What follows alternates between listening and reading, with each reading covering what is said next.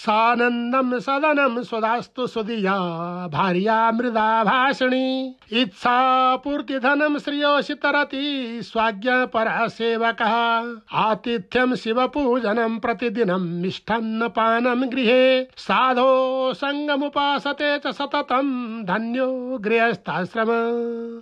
आगो ताप्नु मुढाको कुरा सुन्नु बुढाको। नमस्ते गफाडी कास्टमा यहाँलाई स्वागत छ। यस पडकास्टमा तपाईँले सामान्य व्यक्तिका जीवनका कथा व्यथा भोगाईहरू सुन्न पाउनुहुनेछ। यो पहिलो एपिसोडमा तपाईँले बहुआयामिक व्यक्तित्वका धनी ज्येष्ठ नागरिकको जीवन कथा सुन्न पाउनुहुनेछ। उहाँको परिचय मैले दिँदा उहाँलाई निकै नै अन्याय हुनेछ। त्यसकारण मैले उहाँलाई नै आफ्नो परिचय दिन अनुरोध गरेँ। म विश्वम्भर नेपाल म चाल्नाखेल दक्षिणकाली नगरपालिका वडा नम्बर एक मुलपानीमा बस्दछु। म अहिले उनासत्तरी वर्षको भएँ। मेरो आफ्नो जीवनचर्या बिस्तारै यसरी चल्दै गयो। सबैलाई नमस्कार। अब हजुरको दैनिकी चाहिँ कसरी चलिरहेछ अहिले? अब मेरो दैनिकी अहिले हामी दुईजना श्रीमान श्रीमती मात्र छौँ। हाम्रो बिहानको पहिले सबभन्दा पहिले उठाइ हुन्छ त्यसपछि हाम्रो नित्य कर्म हुन्छ।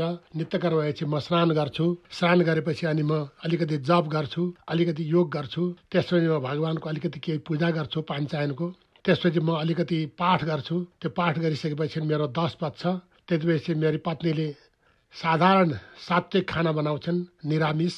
यो हाम्रो सात्विक खाना जस्तै भेजिटेरियन भन्छौँ हामी त्यो खाना हामी खान्छौँ। साधारण दाल भात सब्जी र दिउँसो अलिअलि फलफुल हामी खान्छौँ र मेरो दिउँसो पनि आध्यात्मिकै अध्ययन हुन्छ समयमा समयमा मेरो फुर्सद भएको बेलामा र अलिकति बेलुका भइसके अलिकति केही चिया र चिया पनि म खास अरू खान्न म जडीबुटी चिया खान्छु। र अलिकति केही थोरै काटेकुटुङ नास्ता खान्छु हल्का। त्यसपछि बेलुका पनि मेरो सायम सन्ध्याकालमा जप हुन्छ अलिकति पाठ हुन्छ र भगवान्को आरती हुन्छ पुष्पाञ्जली हुन्छ। त्यसपछि म श्रीमतीले बनाइदिएको मेरो स्वाध्याय र आफ्नो सिद्धिसकेपछि अनि मेरो भोजन हुन्छ शाकाहारी भोजन। त्यति भइसकेपछि अनि बेलुका म एकैछिन फेसबुकतिर पनि हेर्छु टिभी हेर्छु समाचारहरू हेर्छु। त्यसपछि म बेलुका एक गिलास दुध पिएर अनि फेरि म साढे नौ बजे म आफू आफ्नो शयन कक्षमा गएर सोध्छु र बिहान ठिक साढे चार बजे उठ्छु। मेरो दैनिक यही छ। अब जन्मदेखि किशोर अवस्थासम्म चाहिँ तपाईँको हुर्काई खुवाई लालन पालन हुन्छ नि त्यस्तो केही सम्झिनुहुन्छ? म एकदम पुरा सम्झिन्छु। मैले पाँच वर्षसम्म त म कसरी हुर्केँ त्यो चाहिँ मेरो पिता मातालाई मात्र थाहा छ। जब छ वर्ष भयो म अनि एउटा सानो पाठशाला थियो। मेरो आफ्नै ठुलाबाले सञ्चालन गर्नुभएको। यसलाई चाल्ना खेल प्राथमिक विद्यालय अहिले पनि भन्छ नि अहिले निमामेमा आएको छ। यो चाहिँ हाम्रो मुलपानी भन्दा अलिक तल एउटा सानो यस्तै बस्ने एउटा कटेरो घर थियो। त्यहाँ जोगी सन्यासी अब बुढापाकर हुन्थे। त्यहाँ चाहिँ हाम्रो वेद रुद्री चण्डी यस्तै पढिन्थ्यो। मैले क ख पढेँ। त्यहाँबाट पपा पिपी फफा पिपी पढिसकेपछि अनि मेरो स्कुल चाहिँ त्यहाँबाट अलिकति सरेर चाल्नाखेल गाविसको वडा नम्बर नौ थियो त्यस बेलामा जसलाई चाल्नाखेल चौतारो भनिन्छ। त्यो चौतारोमा एउटा सानो हाम्रो कटेरो भन्यो त्यही नै हामी सबै विद्यार्थीहरू बच्चाहरू पढ्न थाल्यौँ। मेरा पालेका बच्चाहरूले लाउने भनेको कमिज सुराल दौरा सुराल भोटो हो जुत्ता लाउने चलन पनि हामीसँग थिएन। र हामी फाटेको टालेको यस्ता लगाएर हामी कख गख पढ्थ्यौँ। हाम्रो खाने भनेको बिहानको दही दुधसम्म अलिकति हुन्थ्यो र अलिकति ढिँडो भात थोले गुन्द्रुक साग पातहरू खान्थ्यौँ। हामी त्यही खाएर अनि दिउँसभरि जान्थ्यौँ दिउँसभरि गएर पढ्थ्यौँ। पढेर फेरि बेलुका आएपछि कहिले काहीँ हामी मकै बाटोमा खाएर सुत्थ्यौँ अहिले मैले बेलुका फेरि त्यही अनुसारको दाल भात साग ढिँडो के पाकिन्छ त्यही नै खा खाएर हामी सुत्ने थियो। यसरी गर्दा गर्दा मैले चार क्लाससम्म त्यहाँ पढ्ने मौका पाएँ। त्यहाँबाट म पाङ्गा भन्ने हाई स्कुलमा पढ्न भनेर गएँ। त्यहाँ निम्न माध्यमिक विद्यालय रहेछ त्यहाँ पढ्न गएको म फागुनदेखि साउनमासम्म पढ्न जाँदाखेरि हामी साह्रै नै गाह्रो भयो। हामीहरू पढ्नु भनेर जान्थ्यौँ। अनि टौडाबाट पनि दुई चारजना साथीहरू भेटिन्थ्यो हामी चार गरेको उकालो उक्लिँदै जान्थ्यौँ। जब हामी पाङ्गामा पुग्थ्यौँ त्यो पाङ्गामा त्यो बेलामा हामीलाई साह्रै हेप्ने गाली गर्ने त्यहाँका चाहिँ स्थानीयहरूले हामीलाई कहिले चुरोटले भन्ने कहिले पैसा कति ल्याछस् भन्ने कहिले घचड दिने कहिले के गरिदिने कहिले लुगा च्यात दिने कहिले किताबै च्यात दिने गर्दाखेरि हामी त्यहाँ पढ्न जान नसकेपछि मैले श्रावण महिनामा बाध्य भएर स्कुल छोड्नु पर्यो। त्यसपछि म अर्को आउने साउन महिनामा फागुन महिनामा दुई हजार बाइस सालमा म यहाँबाट लगन खेल नमुना मच्छेन्द्र माध्यमिक विद्यालय छ अहिले। त्यो बेलामा Machhendra institute public high school भन्ने स्कुल थियो। त्यहाँ गएर मलाई गुरुहरूले मलाई परीक्षा लिनुभयो। परीक्षा लिएपछि उहाँहरूले छ क्लासमा राखिदिनु भयो। छ क्लासमा पढ्न गएँ। त्यो बेलामा मसँग कुनै न किताब थियो न त कापी थियो न कलम थियो। मेरा पिताजीबाट त्यति गर्न सक्ने पनि उहाँको आएर अवस्थाले गर्दा केही थिएन। म बिना जुत्ता लगाएर टालेको सुराल कमिज लगाएर टोपी पनि च्यातिसकेको यस्तो लगाएर म यहाँबाट खाली खुट्टाले बिहान सात बजे जे बनाइदिएको ढेँडो साग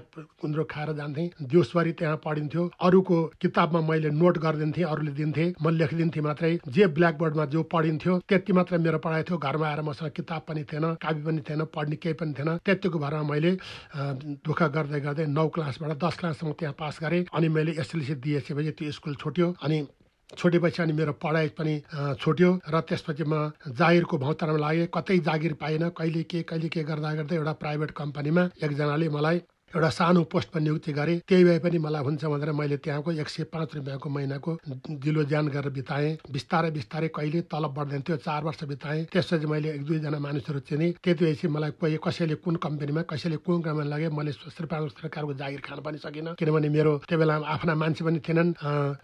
लोकसेवा पास गर्न पनि आफ्नै मान्छे जस्तो चाहिने। त्यस्तै भने दुई ठाउँमा मैले लोकसेवा पास गरेका थिएँ तर इन्टरभ्यूमा मलाई त्यो पनि फेल गरिदिएँ। र आफ्नो मान्छे नभएपछि मैले त्यो नभएपछि मैले यसरी सत्रवटा भन्दा बढी प्राइभेट कम्पनीमा कन्स्ट्रक्सन कम्पनी ट्रान्सपोर्ट कम्पनी त्यसपछि सप्लायर्स कम्पनी यादी गरेका धेरै कम्पनीहरूको अनुभव बटुले त्यसपछि म ब्राह्मणको छोरो भएको हुनाले कर्मकाण्ड पनि गर्थेँ अलिअलि जजमान गर्थेँ र कर्मकाण्ड किताबहरू मलाई साह्रै मन पर्थ्यो भाषा सिकेँ देवी भागवत महापुराण कृष्ण चरित्र रामायण महाभागवत यी पढ्दै पढ्दै गएपछि मलाई त्यसमा धेरै इन्ट्रेस्ट भयो। हुँदा हुँदा मलाई दुई हजार अडतिस सालमा गणेश हिमाल प्रोजेक्ट भन्ने ठाउँमा मलाई एउटा नियुक्ति मिल्यो। म स्टोरी इन्चार्ज भएर म त्यहाँ गएँ त्यहाँ सात वर्ष बसेँ। त्यो हिमालको हावा असाध्यै चिसो म आठ महिना हिउँमा चार महिना पानी पर्थ्यो। कहिल्यै पनि मेरो जिउ तात्दैन थियो। सधैँभरि चिसो हुन्थ्यो। त्यहाँ अरू पनि साथीहरू थिए उनीहरू पनि त्यही दशा थियो। त्यसरी बस्दा बस्दा अनि पाँच छ वर्षपछि त्यहाँ अलि भ्रष्ट नियोक्ता हाकिमहरू आएको हुनाले मलाई अनैतिक काम गर्न लगाए। मैले त्यो नगर्दा मलाई त्यहाँबाट जागिरबाट निकालिदियो। पछि त्यसपछि मैले फेरि तिनीहरूको बारेमा सबै कुरा बोर्डमा मैले निवेदन गरेपछि अनि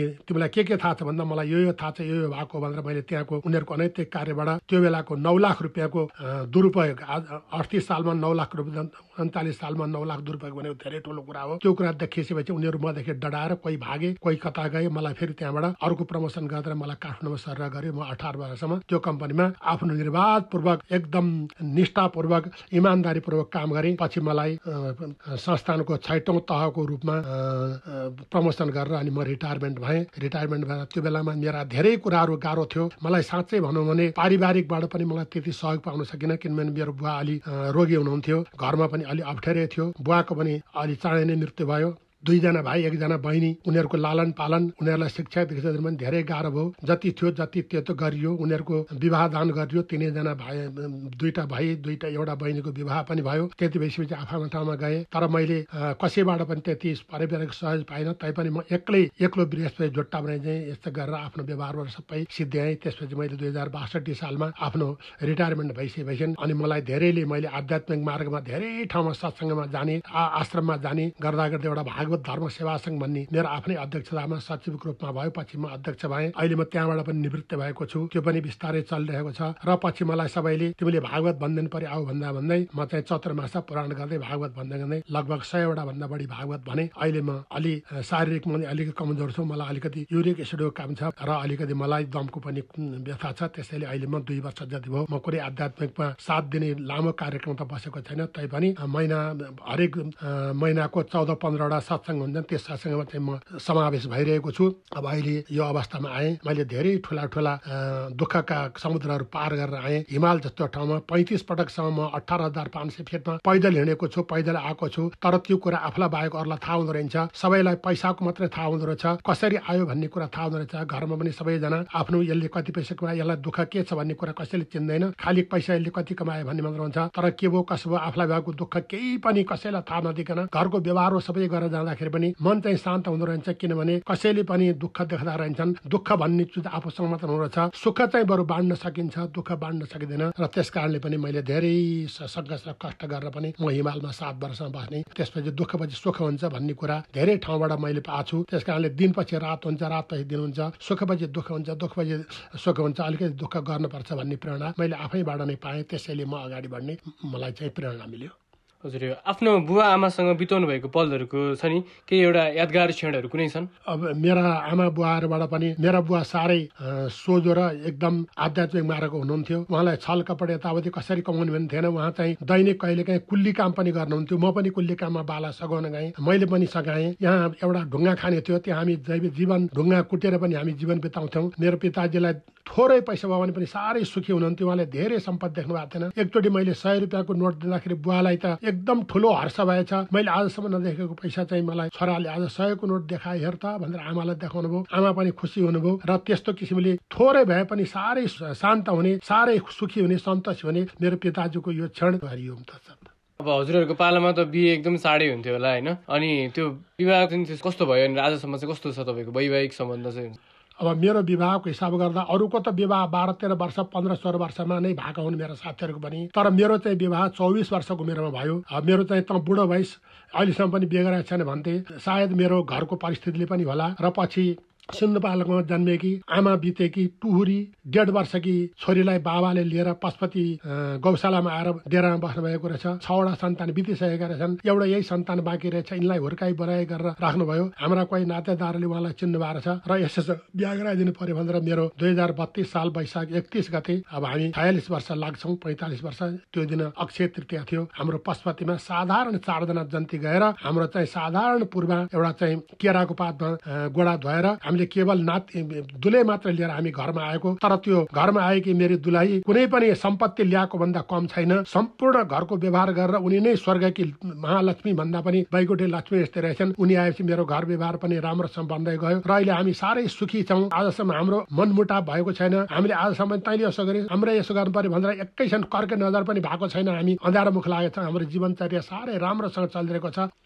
जुन आफूले जीवनमा जति कर्महरू गर्नुभयो त्यो कर्महरू मध्ये चाहिँ आफूलाई एकदमै सन्तुष्टि भएको नै छ। छ मलाई अब पिताजीको देहान्त भयो घरमा भाइहरू सबैजना साना साना थिए तिनीहरूको लालन पालन गरियो तिनीहरूको विवाह दान गरियो उनीहरूको लागि बस्ने गर्ने व्यवस्था सबै गरेर उनीहरू आफ्नो ठाउँमा बसे उनीहरूको पनि त्यस्तो भयो मेरा छोरा छोरीहरू जन्मे अब छोराहरूले छोरीले पनि राम्रोसँग काम गर्दै गरे मैले गरेको लगानी खेर गएन उनीहरूले राम्रोसँग उच्च शिक्षा हासिल गरे। छोरो कम्प्युटर इन्जिनियर छ छोरी अमेरिकाको ब्याङ्कमा चाहिँ काम गर्छन् अर्की छोरी पनि अमेरिकामा छन् उनीहरू उनीहरूको राम्रोसँग जीवनयापन चलेको हुनाले म परिवारबाट आफ्नो आएको व्यवहारमा परिवारसँग पनि यसरी उच्च स्थानमा पुर्याउन सक्ने र अनि आध्यात्मिक मार्गमा पनि मलाई म धर्म र कर्म दुवै मार्गमा हिँड्ने भएको हुनाले म धर्मतिर पनि भगवान्मा इच्छा र आस्था राख्ने भएको हुनाले दुवैतिर मेरो चाहिँ बराबर लगाम भएको हुनाले म त्यसमा सन्तुष्ट छु सुखी छु आजसम्म पनि म त्यसमा गर्व गर्छु। हजुरले होइन जीवनमा एकदमै धेरै माया गरेको व्यक्ति चाहिँ को अब माया त अब पिताजी चाँडै नै बित्नुभयो अब माता पनि अब संयोगवश व्यवहार भएर अहिले भाइसँग बस्नुहुन्छ। त्यहाँ पनि मेरो ममता त छुटेको छैन। अब सबभन्दा माया गर्ने भने आफ्ना शाखा सन्तान छोराछोरी आफ्नै वरिपरिका साथीभाइ मेरो पत्नी नै छन्। पत्नीलाई भन्दा बढ्ता माया त कल्ला हुन्छ त्यसपछि छोराछोरीलाई नै माया हुन्छ। त्यसपछि मात्रै सबभन्दा पहिलो माया त आफैलाई हुन्छ। आफ्नो जीवन छैन भने अरूलाई कसरी माया गर्न सकिन्छ? त्यसपछि मात्र अरूलाई माया गरिन्छ। सबभन्दा पहिलो माया त आफूले आफैलाई गर्नु। जीवनमा एकदमै धेरै दुःख परेको क्षण चाहिँ कुन हो होइन? त्यो क्षणबाट आफूले कसरी बाहिर आउनुभयो? त्यो क्षणलाई सहने आर्ट चाहिँ कसरी जुटाउनु भयो म चाहिँ सात आठ पटक मरेर बाँचेको मान्छे हुँ। म गणेश हिमालमा जागिर खान जाँदाखेरि म हिमालमा चिप्लेर सय मिटर पर तल पुगेको छु हिउँमा। र मेरो गर्दनदेखि माथि जम्मै गर्दनदेखि मुनि जम्मै हिउँमा परिएको छ। गर्दन माथि मात्रै टाउको मात्रै मेरो देखाएको थियो। तर त्यहाँ दुई चारजना भरियाहरू सकै साथमा रहे कोही मान्छेहरू भएको हुनाले म त्यहाँ डेढ घन्टा जति त्यो हिउँमा पुर्ने पुर्ने उनीहरूले आफ्नो नाम्लो खकन दाम्लो डोरी पडुका सबै जोडेर त्यो सय मिटर तलको सम्म त्यो लहरो पुर्याएर एउटा सानो काठ मात्र बाँधेर मगमा पुर्याए। त्यो पाउन पनि मलाई कमसे कम बिस मिनट लाग्यो। कहिले उता पुग्छ त्यो पहरबाट कहिले उता पुग्छ बल्ल बल्ल म कग्रिसकेको थिएँ। बल्ल बल्ल मैले त्यो काठलाई समातेर अनि मलाई त्यो समाति उनीहरूले तानेर बाहिर ल्याए। त्यो क्षण एकदम मलाई अहिले पनि काल लाग्छ। र पछि अर्को चोटि एकचोटि हिँड्दाखेरि हिमालमा हिँड्दाखेरि एकदम चिप्लो ढुङ्गामा परेर म जङ्गै लडेछु। त्यहाँबाट खसेको भए त्रिशुली नदीमा पर्ने तर मेरो कम्मरदेखि मुनि चाहिँ त्यो पहिरोमा परेछ कमरदेखि माथि चाहिँ म माथि छु एकजना बङ्गालका मान्छेले बङ्गाली साथी उनले मलाई छातीमा समातेर चिथरेर बाहिर निकाले मलाई कोपरले पनि त्यसरी म उनले बचाएका छन्। अनि त्यसरी पनि बाँचिँदो रहेछ भनिदिएर म गाडी पल्टिँदाखेरि परेको छु। म डुङ्गा पनि डुबेको छ डुङ्गा डुब्दा नि म चलाउन जान्दैन थिएँ। मेरो भरियाले मलाई चाहिँ उतारेर ल्याए र यस्ता यस्ता किसिमबाट म सात आठ पटक चाहिँ मृत्युको मुखबाट बाँचेर पनि आएको छु। त्यसैले बाँचेको होला भनेर मैले भगवान्लाई नै यसको श्रेय दिएको छु। अरूले त के बचाउँथे परमात्माले बचाउनु भयो दुःख पछि अवश्य सुख त आउँछ होइन? अनि जीवनमा एकदमै धेरै आफूलाई एकदमै खुसी भएको क्षण होइन? अनि एकदमै सुखी महसुस गरेको क्षण चाहिँ कुन हो हजुरको लागि?